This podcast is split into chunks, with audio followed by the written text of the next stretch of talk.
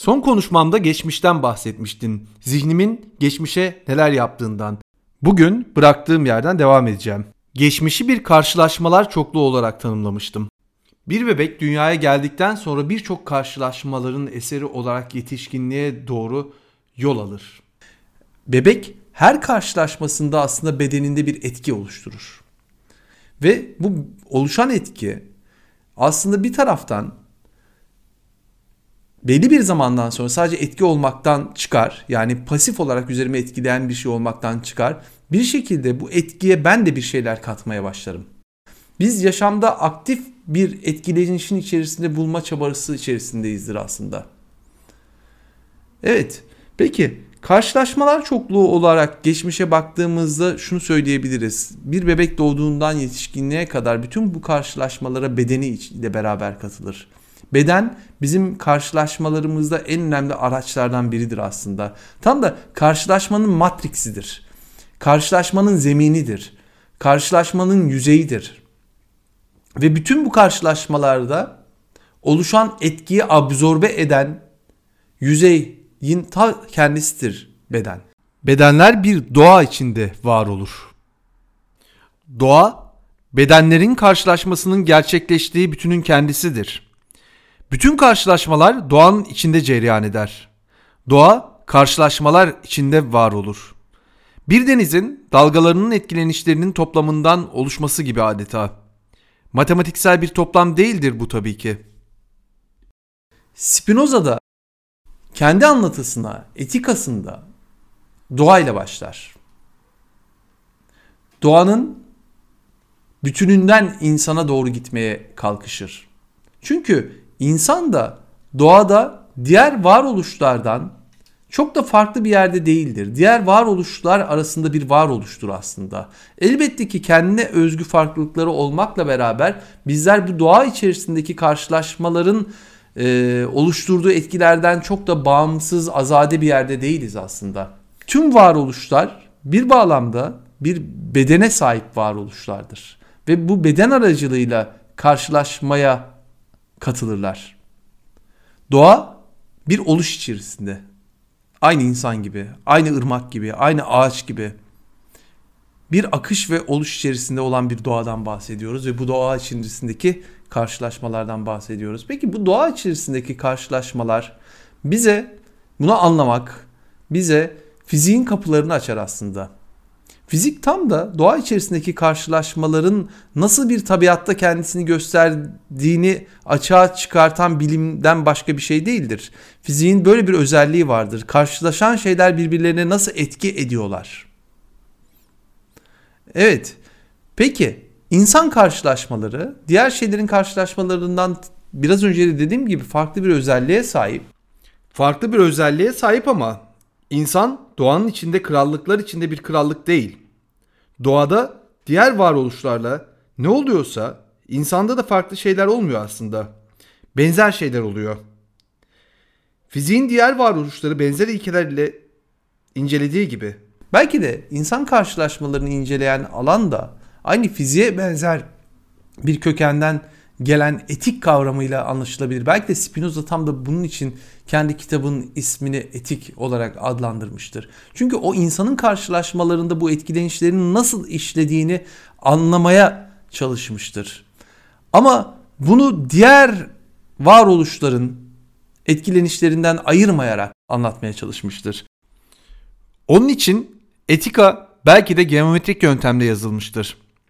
Bir fizik ve matematik kitabı gibi. İnsan karşılaşmalarının etiği yani matematiği. Peki beden, bedende oluşan etkiler dedik. Pasif etkiler. Bir taraftan da bu pasif etkileri aktif etkilere dönüştüren bir insan bedeninden bahsediyoruz. Bedende oluşan etkiler aynı doğada diğer varlıkların birbirleriyle karşılaşmasında oluşan etkiler gibi bir olumsallık içerisinde kendisini gösterir. Olumsallıktan neyi kastediyorum? İki şeyin karşılaşması aslında bir oluşum kendisini ifade etmesinden başka bir şey değildir. İçinde herhangi bir olumsuzluğu barındırmaz. O sadece bir karşılaşmadır. Yaşam böyle bir olumsallık ve farklılaşma içerisinde kendisini ifade eder. Bedende oluşan etkilerin olumsallığından bahsediyorum. Onun için yaşamda aslında olumsuz diye bir şey söz konusu değildir. Bir denizin dalgalanmasında olumsuz bir şey olmadığı gibi, bir rüzgarın esmesinde olumsuz bir şey olmadığı gibi, bir ırmağın akmasında olumsuz bir şey olmadığı gibi, insan yaşamında da karşılaşmalarda olumsuz bir şey aslında yoktur. Bu insanın tam da yaşama kattığı anlamların içinden çıkan bir şeydir olumsuzluk. Yaşam olumsal bir şekilde çağlayıp akar. Bu olumsallık içerisinde bazı karşılaşmalar karşılaşan şeyin kudretini artırabilir, açığa çıkartabilir. Ya da onun eyleme kapasitesini azaltabilir. Yani ortadan kaldırabilir. Spinoza için doğada mutlak anlamda iyi ya da kötü yoktur. Onun için karşılaşmalarda eyleme kapasitesini artıran etkiler yani kudreti artıran etkiler ve kudreti azaltan etkiler söz konusudur. Yaşam içerisinde karşılaşan şeyler ya birbirlerinin etkilerini artırırlar ya da birbirlerinin etkisini azaltırlar. İşte etiğin temel meselesi bu. Etika bu anlamda bir ahlak kitabı değildir. Neyin doğru, neyin yanlış olduğunu bize anlatmaz. Sadece etkilerden bahseder. Bir etik kitabıdır. Yani aslında bir matematik kitabıdır. Birbirlerinin kudretini azaltan karşılaşmalar da bir kudret açığa çıkartır. Her karşılaşma ortaya bir etki çıkaracağından hep bir güç ifade eder. Hep bir olumsallık ifade eder. Karşılaşmalar bir zorunluluk zemininde değil, bir olumsallık zemininde cereyan eder. Kötü ya da iyi eğer bir şey başka bir şeyin eyleme gücünü azaltıyorsa bu karşılaşma kötü bir karşılaşmadır. Keder üreten bir karşılaşmadır. Pasif bir karşılaşmadır. Aynı patient kelimesinin kökünde yani pasif de aynı kökenden gelir. ızdırap uyandıran karşılaşmalardır aslında. Spinoza ile Bilenberg denilen e, bir radikal Hristiyan e, gencin mektuplaşmaları.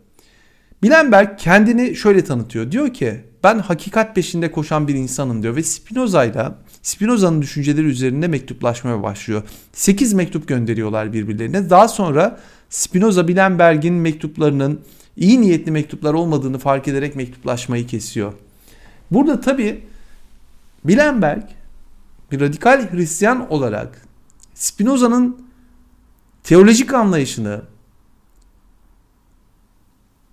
irdelemeye, anlamaya ama anlamaktan öteye ifşa etmeye çalışan bir tutum içerisinde.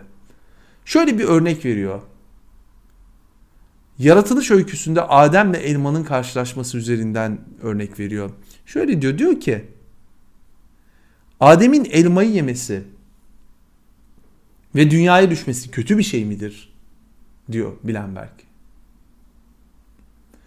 Spinoza'nın cevabı çok ilginç. Spinoza şöyle diyor. Diyor ki Adem elmanın kendisini dünyaya düşürecek bir şey olduğunun farkında değildi. Adem elmanın bedeninde nasıl etki yaratacağını bilmiyordu. O sadece olumsallık içinde bir eylem gerçekleştirdi. Onun için bir zehir olacağının farkında değildi ama elma onun yaşam kudretini düşürdü. Yaşam kudretini düşürdü ama yine de bir kudret açığa çıkardı. Onun için bu Adem için kendi kudretini eyleme kapasitesini azaltan bir karşılaşmaydı. Ama Adem Tanrı'nın buyruğunu yerine getirip elmayı yemeseydi o zaman tam da ahlaki normlara uygun bir şekilde hareket edecekti. Yasağa uysaydı kendi arzusuyla değil, başka bir kudretin etkisiyle eyleyecekti. Kendi arzusunun açığa çıkaracağı kudretten vazgeçmiş olacaktı. Adem'le elmanın karşılaşması Adem açısından kötü bir karşılaşmadır. Kendi kudretini azaltan bir karşılaşmadır. Kendi kudretini azalttı ama bu dünyayı yaşanacak bir sahne olarak bizlere sundu. İnsanlık tarihi kendi arzusuyla eğleyen ya da başka bir kudretin gücüyle eylemeye zorlayan öykülerle doludur. Adem arzusunun neye muktedir olduğunu bilseydi, yani farkında olsaydı, bilerek kendi eylemini yönlendirecek, pasif bir konumdan aktif bir eyleyişi gerçekleştirecekti. İnsanın arzusu, arzusunu bile isteyerek yönlendirmesi ya da başka bir kuvvetin bazen ahlakın gücüyle eylemesi, yasanın gücüyle eylemesi. İnsanın temel paradoksu belki de. Adem'in öyküsünden Kral Ödipus'un öyküsüne ve zamanımıza insanın en temel paradoksu, insanın toplumsal geçmişindeki öyküler. Tabi bir de bireysel geçmişimiz var elbette. Bireysel öykümüze baktığımızda geçmişte bizim açımızdan çeşitli karşılaşmalar arasında e, şimdiye etki eden bir özelliğe sahip demiştik. Geçmiş bir şekilde aslında şimdiye etki ederken tam da biraz önce anlattığım zeminde olumsal bir yerden etki eder. Onu zehire ya da etki gücünü artıran sevinçli karşılaşmalara döndürmek bizim elimizdedir. Elimizdedir çünkü bizler farkındalığı olan, farkındalığı ile eyleyebilen varoluşlarız. Yani aktif bir şekilde onu başka bir şeye dönüştürebiliriz. Adem üzerinden konuşmaya devam edecek olursak, Adem elmanın etkisinin kendisine zehir olabileceğini bilseydi, bu bilgiye kendisi kendi öz gücüyle sahip olsaydı elmayı yemeyebilirdi mesela. Adem'in öyküsünden bireysel geçmişimize geri dönecek olursak, geçmiş varsa eğer etki ettiği ölçüde vardır. Geçmiş varsa etki ettiği ölçüde eğer yaşamımızın içinde yer buluyorsa ve bizim eyleme kudretimizi artırıyorsa o zaman gerçekten geçmiş bir kudreti açığa çıkartabilir. Geçmişin etkilerinin farkında olursak onu arzumuzla işleyen, eyleme gücümüzü artıran bir güce dönüştürebiliriz. Buradan bir güç üretebiliriz. Bu süreci bir üretim sürecine döndürebiliriz. Arzumuzla beraber üretilen bir sürece. Bilerek ve isteyerek yani yön vererek aktif bir şekilde. Geçmiş eğer bizi pasif etkilenişler arasında sürüklüyorsa o zaman bizde olumsuz duygular oluşturarak bizi bir ızdırap içine düşürebilir ve bizim açımızdan bizi pasif duygulara, sürüklenişlere iterek aslında tam da bir zehire dönüşebilir gerçekten. Ama zehrin de eyleme gücümüzü artıran, potansiyellerimizi açığa çıkartan etkinin de olumsal bir zeminde bir kudret içerdiğini hiçbir zaman unutmamak lazım. Geçmişin karşılaşmalar arasındaki dizgilere bakarak geçmişten anlamlar çıkartarak aslında geçmişi şimdi de yeni baştan var ederiz. Belki de kudretten kastım tam olarak da bu. Geçmişi nasıl ele alacağız? Biz bu geçmişte ne yapacağız? Spinoza'nın temel sorularından biri şu. Diyor ki bir bedenin nelere muktedir olduğunu bilemezsiniz. Bu karşılaşmalar çokluğunun şimdi de nasıl yeni bir potansiyel ortaya çıkartacağını bilemeyiz. Çünkü bir beden tam da karşılaşmaların yarattığı etkiden bir çokluğu içinde barındırır. Ve bu çokluk aslında tam da olumsallık zemininde yeni güçler, yeni var olma potansiyelleri, belki de virtüellik demek daha doğru olabilir. içinde barındıran bir kudret alanıdır bu bağlamda. Evet bugün böyle biraz iyi, kötü, karşılaşma, onların etkileri ve bu etkilerin bizim eyleme gücümüzü artırması, azaltması gibi konulardan geçmiş nasıl bir zehire dönüşebilir? Ya da geçmiş nasıl bizim etkileme gücümüzü, kapasitemizi artıran bir çoğulluk ve çokluk alanına dönüştürülebilir? Bunun üzerine Spinoza felsefesi üzerinden e, konuşmaya çalıştım. Çok teşekkür ederim beni dinlediğiniz için. Bir sonraki konuşmamızda belki bu da yarıda bıraktığım şeyleri biraz daha detaylı özel olarak ele alarak devam edebiliriz. Görüşmek üzere.